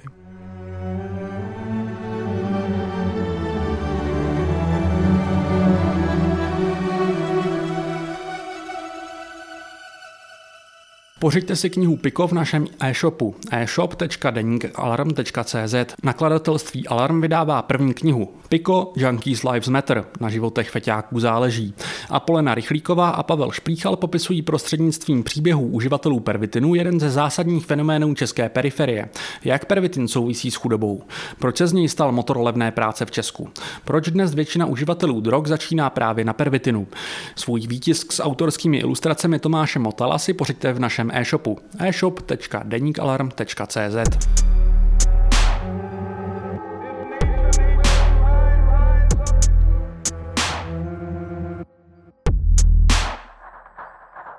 Mhm, a ty, ty ve své knižce zmiňuješ taky několik příkladů takzvané civilizační mise. Eh, co to bylo a jak intelektuální elity vlastně přistupovaly k těmto misím a jak vypadaly? No, jak vypadala ta ten pokus o kultivaci no. jako tyhle populace, nebo jak to jako vlastně nazvat. Jo, zase tady ukazuju uvozovky, které tam nej, nejsou vidět v tom audiozáznamu, ale kultivace v uvozovkách. No, nebo, nebo jako jak vypadala vlastně ta integrace. Jo? To, hmm. tohle hmm. vlastně, Pokusy, no. no. No, e, Já jako to používám u, když se snažím rekonstruovat dvě nějaké e, konkrétní jako praxe nebo způsoby uplatnění té asimilace. A tady, e, tady jako je asi dobré říct, co to ta asimilace je, protože to je ten ten pojem, který se používá v té době jo, pro tu integraci. To znamená, nebo mělo to znamenat vlastně, nebo počítalo se s tím, že je potřeba v tom dobovém slovníku udělat z těch cikánů vlastně necikány. Jakoby úplně rozpustit nějakou tu odlišnost, tak, aby se z nich stali jako zcela běžní českoslovenští jako občané, včetně toho, že třeba jo, i někteří antropologové si představovali, že to nakonec skončí tím i jako vybělením, že opravdu jako se z těch hmm. obyvatel tmavší barvy pleti stanou ti jako bílí. Jo? A to je jako ale termín, který se používá do dneška, že jo? Jako v některých, některých místech jako, a, a možná má i podobný vlastně obsah. Asi. Asi, asi může, no. A, a jako ty dvě teda, um, eh, dvě eh, ty, ty způsoby, o kterých tam mluvím uh, u té civilizační mise je jednak budování takzvaných jako cikánských škol na Slovensku hlavně, na východním Slovensku a na podkarpatské Rusy. A pak mluvím o nějakém jako odebírání dětí z těch rodin, které byly označeny na základě toho prvorepublikového zákona jako rodiny potulných cikánů. Jo? A nějaká jejich vlastně převýchova e, a tak dále. A k tomu docházelo teda? K tomu docházelo. Odebírání dětí. Jakože tomu... když člověk měl teda tu cikánskou legitimaci, tak bylo mo- pravděpodobný nebo možný, že mu e, autority odeberou děti? Bylo to spíš jako možný, ta pravděpodobnost byla spíš nižší, jo, protože e, a to, to všichni jako vědí, historici nebo badatelé, badatelky věděli, že součástí toho zákona je tenhle paragraf. A vždycky se nějak e, jako ptali na to, jak to vlastně bylo uplatňováno ale um, moc se jako nedopátrali toho, jak to v praxi jako vypadalo a kolik těch případů bylo. Spíše se jako tvrdilo v dosavadní literatuře, že těch případů bylo málo. A jak to tam bylo definované? Jakože jenom z podstaty toho, že je to dítě v téhle rodině, tak může být odebraný? Ne, musí uh, ten případ být předán uh, místnímu soudu a ten místní okresní soud rozhodne o tom, jestli to dítě má být jako odebráno. Uh-huh. A já jsem tohle sledoval pro uh, obvod okresního soudu Písek. Uh-huh. To Písecko je v tom specifické, jak už jsem jako naznačoval, je to místo, kde teda měla fungovat nějaká loupežná cikánská banda, eh, což vedlo k nějakému většímu tlaku na přijetí těch jako nových proticikánských opatření. A ten Písek je opravdu místo, kde od toho roku 27 do těch 30. let se vede poměrně tvrdá politika, kdy ti lokální úředníci jako mluví o tom, že vyloženě čistí, čistí ten okres prostě od těch cikánů. Jo? A proto v tomhle okrese specificky se jako velmi hojně tenhle ten paragraf jako využíval. Jo? Mm. A... Takže ty tam máš nějaký příklady konkrétní tady tohle. Jo? Mm-hmm. No a jako je to, je to vlastně hodně zajímavý, že, že to byl ten písek a jakým způsobem se to tam vlastně jako vedlo. Zatímco, když se odebírali ty děti někde jinde, tak se umístěvaly do nějakých převýchovných ústavů, eh, ale na tom písecku ta představa byla, že se ty děti umístí do místních neromských rodin. A tam se teda jako převychovají, chodí do školy, jo, všechno, eh, a stanou se z nich teda ti správní jako českoslovenští občané. Tohle nějaká ta jako jedna podoba té, té civilizační mise, protože je to vedeno s tou představou, že ti cikáni jsou právě ti jako zaostalí a tady jakoby v těch Čechách eh, je možné převychovat je, ale jenom ty jejich děti. Jo, ty, ty jako dospělé třeba už se počítalo s tím, že to tolik nejde, nebo prostě na to jsou nějaké jiné nástroje, ale je možné to udělat s dětmi, ale ty děti musí být jako vykořeněny prostě z toho svého původního prostředí, zasazeny do nějakého nového a, a tak dále. A pak je to jakoby možné. Jo? Ten optimismus tam vyloženě jako byl, ale ta civilizační mise jako uh, na tom takzvaném, jak se tehdy říkalo, jako východě Československa, eh, to znamená jako Slovensko, Podkarpatská Rus, se kterým se jako vážou nějaké představy o jako zaostalosti těch regionech, ať už kvůli tomu, že, že ta území jako patřila pod uherskou prostě zprávu dřív, jo, která byla braná jako eh, ten, ten, ten důvod nějakého útlaku místního obyvatelstva i jako zaostalosti ekonomické a tak dál, tak eh, vedlo k tomu, že, že ti Romové v těchto, v těchto regionech byli chápáni nejenom jako teda nejvíc zaostalí jo, z toho celého obyvatelstva tamního, ale také jako součást vlastně toho tamního obyvatelstva. Jo, mělo to nějaký jiný rozměr. A proto mm-hmm. tamní úředníci, nebo uh, jako na, na, na ten takzvaný východ se dostala jako celá řada českých mm-hmm. jo, jako úředníků, jo, jako opravdu stovky, tisíce. A ti, mm, ti tam uh, jejich představa o té civilizační misi je trochu jiná. Oni jako se snaží vybudovat školu, eh, kde speciální, která by byla nějak jako designovaná pro ty údajné jako specifické potřeby těch romských dětí a zároveň Jenom ta škola vlastně povede k tomu, že se provede nějaká jako intervence do celé té romské komunity a vlastně se tím pozdvihne, hmm. uh, uh, civilizuje jako ta, ta celá romská komunita. Jo? V tom dobovém slovníku se jako mluvilo uh, v obou dvou případech té asimilace o tom, že se učiní z těch, um, z těch cikánů uh, ty jako produktivní, uh, spořádané, příslušníky lidské společnosti. Jo, takže do té doby vlastně jako kdyby stáli mimo i to lidství. Nejenom jako mm. mimo tu nějakou občanskou společnost, produktivní, ale i jako kdyby mimo tu lidskou. Takový jako eh, kolonizační ideály skoro, no, že no. vlastně na tom, na tom východě Slovenska. No. Ale byl taky paternalistický přístup a eh, v českých zemích spíš takový jako disciplinační a kriminalizující. Taky, ale ono to mělo, eh, jo, zase, zase bych vlastně říkal, že obojí, obojí jakoby mělo své výhody a nevýhody v obou těch místech, jo, zatímco třeba ty děti, které byly takhle převychovávány v těch rodinách v písku, tak eh, pokud vím, tak jako unikaly tomu, aby byly, když přesáhly eh, věk 14 let, aby byly registrovány jako ti potulní cikáni. Jo? To Uh, takže jakoby unikaly nějaké té, nějaké té případné jako policejní registraci, uh, takže to mělo nějaký pro ně jako pozitivní jako třeba dopad, jo, když to takhle řeknu. Tak třeba jo, ti, ti Romové, kteří vyšli tu, tu školu prostě v Užhorodě nebo jinde speciální, tak, tak to pro ně nemuselo znamenat, že se zcela vyhli jo, nějaké policejní registraci nebo jiným formám prostě toho vyloučení, která byla spojena uh, s, s, s, tím, s tou nálepkou toho cikánství. My jsme tady dneska mluvili hodně o kriminalizaci uh, v úvozovkách cikánů, Romů v Československu za první republiky.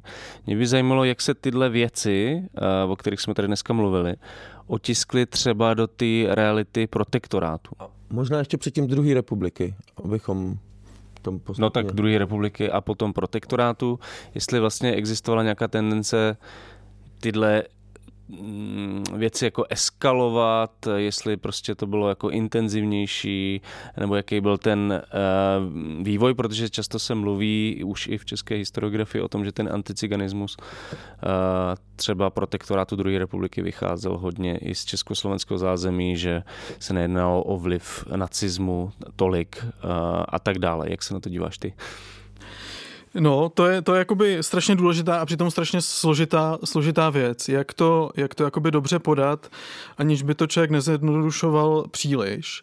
Uh, já bych rozhodně nechtěl tvrdit, že um, uh, jo, když se začnu takhle negativně vymezovat, a že bych nechtěl tvrdit, že je možné říct, že jako kdyby bez nacistů by bylo možné uh, tu genocidu Romů a Sintů nějak jako provést. Jo? Zároveň, ale ve stejnou chvíli je potřeba opravdu jako říct, že ta genocida by neproběhla takovým způsobem, jak proběhla, kdyby tady neexistovaly nějaké lokální předpoklady, ať už ve smyslu myšlenkového zázemí, nějaké jako třeba iniciativy, nebo přinejmenším jako plnění rozkazů nějakých, jo, takže bez toho by to také vlastně nebylo. Děkuji, já myslím, že to je skvěle řečeno. Já jsem si v tom to je super, dík, dík, ale pokračuj, pardon. A, t, jo, a tohle je něco, co se myslím už jako dneska v té jako vědecké nějak komunitě zdůrazňuje obecně u holokaustu. Jo, je to opravdu jako široký podle mě koncenzus. To, že se zkoumají právě ty lokální iniciativy a ty různé jako odlišnosti a aniž by se přitom ale jako spochybňovalo to, že přece jenom ti nacisté tam hráli nějakou jako ústřední vlastně roli. Jo? E, a když se podíváme na nějakou tu jako myšlenkovou tradici teda toho, proč mohl ten, ta genocida v, v tom protektorátu Čechy a Morava proběhnout, tak jedna z těch věcí, kterou já jsem zkoumal, je to, čemu říkám jako internační fantazie. Nějaká nějaká existence uh, představ o tom, že je potřeba s touhle skupinou, s těmi cikány nebo s nějakou její částí uh, pracovat tak, že se umístí do nějakých jako zařízení, ať už se mluvilo o nějakých koloniích, donuc donucovacích pracovnách, nebo třeba i se objevuje ten termín jako koncentrační tábor, který třeba v tom českém kontextu je vidět, že pochází ještě z habsburské monarchie z první světové války, jo, kdy se nějak i jako používá. Už nějaké instituce existují, které ty úřady chápou jako koncentrační tábor, jo? ne v tom smyslu samozřejmě toho jako Na nacistického, uh, to ne, ale třeba na území jako dnešního Rakouska. Mhm. Jasně. A objevují se v těch zařízeních jako nejenom, ale také se tam objevují Romové. A už tam třeba ta zařízení mají problémy typu vypukne epidemie, jo? protože prostě ta instituce jako taková vede k tomu, eh, že se tam umístňuje víc lidí, než má, je tam nejsou dostatečné hygienické jo? a další prostě podmínky to vytváří samotná ta instituce, jo? a takže je to nějak jako typické, třeba vyšší jako umr, umrtnost prostě eh, a, a tak dál. A tohle já jsem sledoval jako vlastně od v tom českojazyčném kontextu od mm, začátku 20. století až vlastně do toho jako protektorátu. A i to, jak se to vlastně mění. Jo? Jestliže jako před tou první světovou válkou je to něco spíše okrajového, um, tak jak se to postupně jako eh, zviditelňuje víc a víc. Během první republiky se to objevuje častěji a vlastně už na tom existuje i trochu nějaká jako schoda. Už to patří trochu do nějakého jako koncenzu těch úředníků, policistů. Byť jako ten pohled je, ano, to by bylo třeba potřeba, ale teď na to nejsou třeba ať už finanční prostředky, nebo teď to není žádoucí právě z důvodu prostě toho, že jsou tady nějaké zákonodárství, nesmíme porušit ústavu, jo, jakoby různé důvody. A jaký je ten důvod, proč je to potřeba? Jako, víš, mi to prostě, já to třeba nechápu, jako v čem je to uh, prospěšný, potřebný, jako něco takového zřizovat. Protože ta představa je, že tohle je ta skupina obyvatel, která se vymyká jako všem těm nařízením. Ona uniká i z nějakého klasického podchycení obyvatel. Jo, to je třeba ten důvod té jako speciální policejní registrace, že je to skupina, která se pohybuje takové jako šedé zóně zcela mimo, zároveň jako má schválně zastírat tu svoji identitu eh, a zároveň páchá tu kriminalitu a zároveň eh, ta kriminalita se v ní jako předává a nějak jako dědí. A ten z toho důvodu eh, je vnímáno, že je potřeba do toho nějakým způsobem intenzivně jako zasáhnout. Ta představa nějakých jako větších státních intervencí do téhle skupiny obyvatel zase má tradici jako až třeba i v osvícenství. To, jo, Jo, jako... Ale jako zasáhnout v tomhle ohledu asi znamená jako se té skupiny zbavit, protože tam není jako žádná naděje na práci, s, jo, že když prostě internu, internujeme tuhle skupinu, tak ji prostě jenom někde koncentrujeme, aby nebyla prostě součástí normální společnosti a tak trošku zmizela vlastně. A, no a ono je to eh, jako vždycky součástí toho je právě ta představa, že třeba ale ty děti se mají dát do nějakých speciálních jako zařízení, mm-hmm. takže vlastně představa toho, že zanikne ten jako připisovaný způsob života kriminálního a tak dál a ty děti už vlastně jako z toho budou vytrženy a převychovány. Lebensborn prostě. Jo, takže je to, takže ty internační fantazie vždycky jako nestojí samostatně, ale v nějakém jako širším kontextu toho přemýšlení, eh, co se třeba má dít s těmi dětmi. No, a mě vždycky přijde, že tohle je teda takový, jako, že to ti lidi jim trošku obhajují, že to je vlastně dobrý pro ty lidi, kteří internujou a ve skutečnosti ty plány už třeba ani nevzniknou, nebo je to takový, jako, že to tak už vysí ve vzduchu, že důležité je ta policejní kontrola. Pardon, už se jakoby trošičku chýlíme, chýlíme. Eh, Já myslím, že ani nebylo potřeba moc dodávat dneska ty eh, jako ty podobnosti s tou současností, že se to nabízí často dost samo, aniž by bylo potřeba to nějak připomínat, ale chtěl jsem se ještě do té současnosti vrátit otázkou, jak vlastně si tohle, jak se s těma tady těma věcmi, o kterých jsme se dneska bavili, vyrovnává česká histori, historiografie, řekněme, v 90. letech nebo od, od roku po roce 1990. No, já, je, to, je to jako komplikované. Já, já nějakým způsobem jsem samozřejmě navazoval na to, co jako existuje. Eh, A v tomhle směru prostě ta, ta práce t, um, eh, historika Ctibora Nečase je prostě jako základní, zásadní. Ale to, co si myslím, že to je, a já jsem to vnímal, když jsem jako to psal, že tady chybí, je psát nejenom jako ty dějiny a zachycovat prostě, ať už třeba způsoby jako vyloučení, nebo nějaké životy těch jako konkrétních Romů, ale spíš jako schopnost zasadit to nějak do nějakého širšího výkladového rámce. Že skrze třeba tyhle ty dějiny vyloučení, asimilace, můžeme říct nejenom něco o tom, jak to samotné probíhalo, ale něco nám to řekne o té celé vlastně společnosti, československé nebo české, o první republice, o demokracii, já nevím, občanských právech, jo, jako jak fungoval právní stát v té době, jo, jako celou řadu vlastně věcí. A v tom mi to přišlo, um, nebo to je jeden z těch mých jako cílů, jo, vlastně ukázat, že že to má nějaký potenciál, který přesahuje to jakoby úzké téma. Hmm. Mě jenom, uh, Pavel tady říkal, že ty souvislosti se současností jsou jako evidentní, ale mě by třeba přesto zajímalo, jestli máš nějaký jakoby konkrétní příklad toho, nějaký jako typický projev toho, co nám tady z téhle doby, z těchto jako podob kriminalizace, represe do současnosti zůstalo. Jestli něco napadá. Ono je hodně těžký eh, to, to jako mi nějak říct. Vlastně určitě něco z toho je jako velmi podobné a najdeme si prostě nějaké paralely. Že by něco jako mělo přímou kontinuitu, bych asi neříkal. Možná nějakou kontinuitu ale ani tam vlastně Nechci bych o tom jakoby nemluvil, nemluvil u nějaké jako kriminologie třeba, jo, ale myslím si, že vlastně taky bychom dospěli k tomu, že ty zlomy jsou tam přece jenom pak jako větší. To, co mně přijde jako zajímavé a to jsem se snažil tím směrem i jako tu knihu Eh, jako tam posunout. Eh, I ten důvod, proč je ten štampach jako na začátku, je právě nějaká ta debata o tom rasismu, mm-hmm. která se vede jako jasně nějak jako v té historické vědě nebo v sociálních vědách ve smyslu, jak teda ty české země, česká společnost, československá společnost souvisí s tím kolonialismem a tam se objevuje že ten rasismus, který tam je jako důležitý.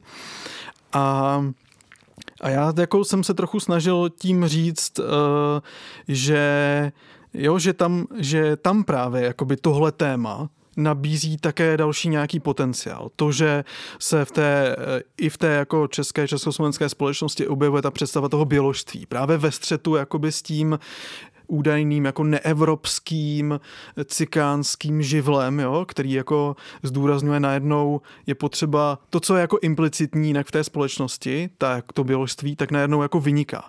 Právě třeba u těch jako škol eh, pro té romské děti je to vidět, jo, když ti učitelé popisují eh, a komparují nějak ty romské děti s tou svojí třeba zkušeností z těch jako, nevím, českých a jako slovenských škol, tam to jako hodně vystupuje, jo. Najednou se mluví o bílých jako eh, a tak tak, eh, tak to mi, to mi přijde jako, to mi přijde prostě jako zajímavé. A i, i ta otázka toho, co vlastně ten rasismus je a že máme nějakou definici dnes, která je problematická jak ve vztahu k té minulosti, tak vlastně ale... Definici rasismu? Přesně Myslím, tak. Jo. A nějaká taková ta učebnicová, eh, která je problematická jak jako k té, k té třeba meziválečné minulosti, tak vlastně ale trošku je potřeba se dopátat toho, že je problematická už tehdy, když vzniká někde jo, v rámci 50. let v UNESCO. Už tehdy existuje kritika právě těch jako postkoloniálních autorů, kteří říkají, no eh, to, to je jako ta evropská biologická definice vlastně toho rasismu, která vznikne jenom tehdy, když nějaké ty koloniální praktiky na vás uplatní ti nacisté, na ty bílé prostě jako Evropany. A tehdy vznikne nějaká ta jako kritika eh, jako nacismu právě toho rasistického režimu, ale vlastně přehlížíte celou dobu toho rasismu, eh, tu historii, eh, která je součástí těch vašich liberálních demokracií. Ten kolonialismus nestojí v opozici v té době vůči nějaké liberální demokracii. Nějaká rasová segregace, třeba v Americe. To je něco, co je jako součástí tehdy jako pojetí nějaké liberální demokracie. Jo, může to tam fungovat, aniž by to vlastně, jo, vyvolává to nějaké tenze v té společnosti, ale funguje to tam, je to tam nějak jako legislativně ukotvené. Takže tohle, tohle mi přijde, že to je nějaký ten potenciál pro mě, který jsem se tam snažil jakoby vnímat jako nějaké tématu. rozšíření uh, dějin československého rasismu o tohle téma Zároveň jako mě přišlo zajímavé, že my o sobě vlastně často mluvíme i v souvislosti s tou migrační krizí jako o neskutečně homogenním jako uh, celku územním, jakoby uh, populačně což prostě i tady tahle uh, tvoje kniha jako dost nabourává asi, nebo tady tahle koncepce. A nikdy jsme jim nebyli, že? No rozhodně ne v té první republice. Rozhodně ne v první republice. Uh, o dějinách kriminalizace Romů eh, od Habsburské monarchie přes první republiku, protektorát a částečně až eh, do naší současnosti jsme se dneska v kolapsu dostali s historikem Pavlem Balounem. Jehož kniha Metla našeho venkova, kriminalizace Romů od první republiky až po prvotní fázi protektorátu nedávno vyšla v nakladatelství Scriptorium. Takže díky Pavle, že za náma dneska dorazil a ať má kniha co největší ohlas. Eh, přejeme ti to. Díky moc, díky moc. A mně už nezbývá, než vám přátelsky připomenout, že na portálu Darujme.cz můžete přispět na fungování Alarmu, ale také na fungování našich skvělých podcastů, nejen Kolapsu, ale i Bulváru, Redneku, Kvot a tak dále. Jsme médium financované svými čtenáři a čtenářkami a proto pokud si to můžete dovolit, prosím přispějte na náš chod. Děkujeme vám a děkujeme všem, kteří už to dávno dělají. Jsme tu jen díky vám. To už je z dnešního kolapsu úplně všechno. Eh, děkujeme, že nás stále posloucháte, že vás to baví. Eh, ze studia Mr. Wombat se loučí Jan Bělíček a Pavel Šplíchal. Mějte se skvěle a čau zase u dalšího kolapsu. Zdar.